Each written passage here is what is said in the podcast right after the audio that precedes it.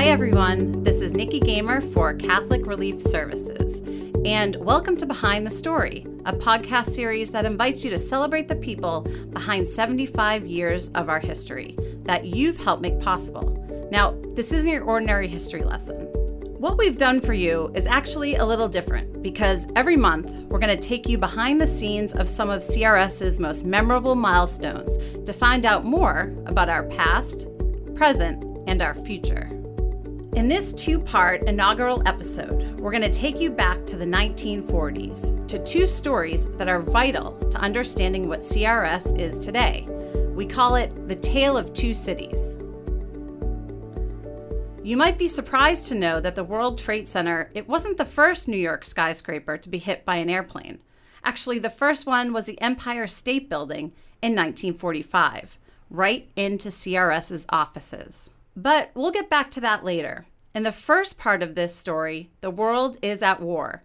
You're going to hear about Ulick Plowey, a Polish refugee, and CRS's first project, a refugee settlement in Santa Rosa, Mexico.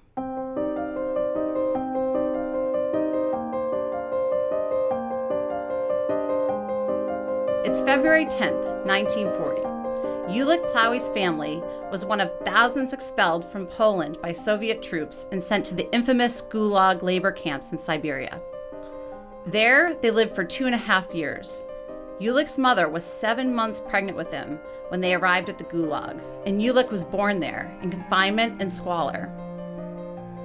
Ulick is now 77 and he lives in Southern California. And as you'll hear, he's still very emotional when he recalls what his family went through. We were taken uh, to the Gulag, so I actually was born in the Gulags themselves. Uh, so that's uh, where my story begins. I heard uh, mom cry a lot, softly. as she remembered uh, life before. But I, I had uh, uh, no um, feeling of hatred uh, other than a uh, hatred of uh, the circumstance that occurred because of Stalin.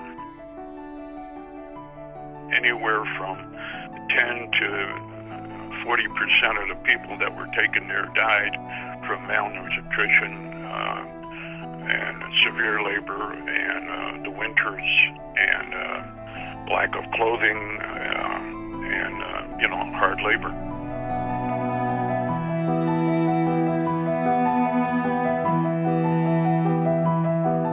Now, a story that sticks out in Ulick's mind is about his mother's quick thinking the night they left Poland. The Russian soldiers came in the middle of the night. They gave us uh, 20 or 30 minutes to uh, gather our belongings. And she ran out in a chicken coop and slaughtered, uh, I don't know, 10, 12 uh, chickens and took one alive in a basket. That chicken, excuse me, uh, that chicken laid a double yolked egg uh, the day I was born. Wow. A double yolk egg, a sign of life and hope. After two and a half years in the Gulag, Ulick and his family traveled by train for weeks to Iran, where his father died of typhoid and his brother joined the Polish army in exile. Then, after months crossing the Pacific and another train ride from California to Mexico, Ulick arrived with his mother and sister to CRS's first project in 1943, a dusty Polish refugee settlement called Santa Rosa in Mexico the Polish community arriving didn't know what to expect, but uh, the people in Mexico were very beautiful. Uh, they met us at the uh, train, and uh, singing and dancing.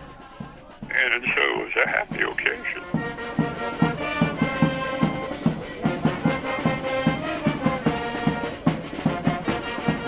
We didn't interact a lot with uh, the Mexican population because we were not really allowed to. But, uh, you know, everyone was interested in the other, and so we did Polish performances for them. They did uh, Mexican performances for us, and so the two communities started to uh, meld together. There is a, a number of groups of uh, Mexican musicians that adapted the Polish polka music into the Mexican culture. And uh, even to, to today, uh, you can actually dance the polka uh, to the Mexican music because it's the polka uh, beat and the polka music with the, some of the Mexican instruments.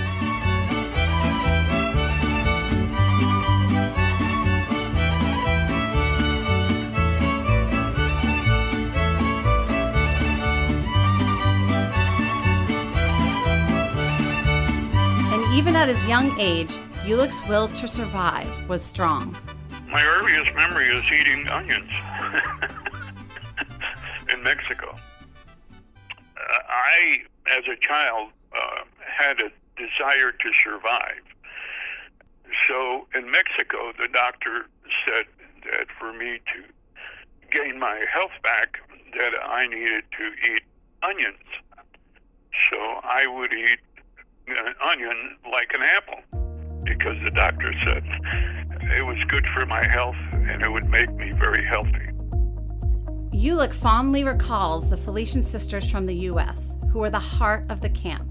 CRS's instrumental partners, these sisters ran the school and clinic, led Camp Youth in building and gardening projects, and they kept meticulous records. In fact, Ulick has stayed in touch with them all these years. The Felician sisters, they educated these children, and some of these children uh, added greatly to, to the society. If So- one of the Felician sisters was here with us in this room, what would you say to her? I can't thank you enough for helping us in the time of distress. You know, you have to um, uh, preserve that history of uh, these good women who gave up their comfortable life here in the U.S. to go and live in Mexico to teach these uh, poor lost souls. It, it gives me great satisfaction when someone um, who didn't know about something learns it and appreciates what has happened in life. After four years, when he was just seven, Ulick left Santa Rosa for the United States, first to Paterson, New Jersey. we were found by neighbors um, in the United States who had left uh, Poland before the war, and my mother uh, did not want to be a burden to the family, so she went and got a job. She found a apartment. She spent 30 days cleaning, painting, etc. And she got paid, and we moved into the apartment. And then uh, she had me go to the Catholic school there, join the parish Catholic school. Ulick and his family later moved to Buffalo. He lived there until he was 18 when he joined the Marine Corps for four years. His final tour was in Japan, and afterward, he moved to California. He's lived there ever since with his wife Terry. I have a good uh, family. I have beautiful kids. I have beautiful grandkids. I have a beautiful wife. Ulick credits his Catholic faith for getting him and his family through challenging times, but it was a struggle. I do not blame God for anything bad, I wish he would, um, on occasion, take a few more steps to push us in the right direction. But I don't blame him for the bad. What do you want people who listen to this to take away from your story? Oh.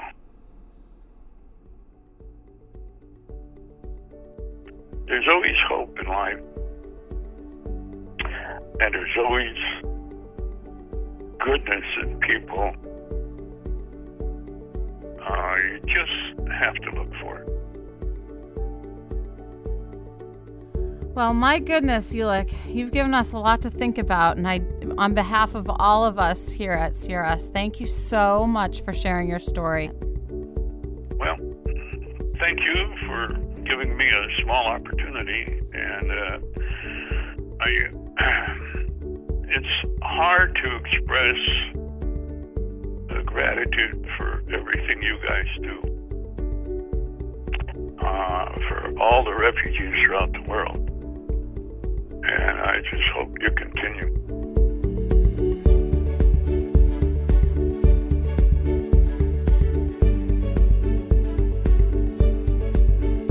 While Ulick was in Santa Rosa, 20 CRS staffers had come into work at the Empire State Building on a Saturday morning. It was 1945, and there were thousands of World War II refugees who needed assistance.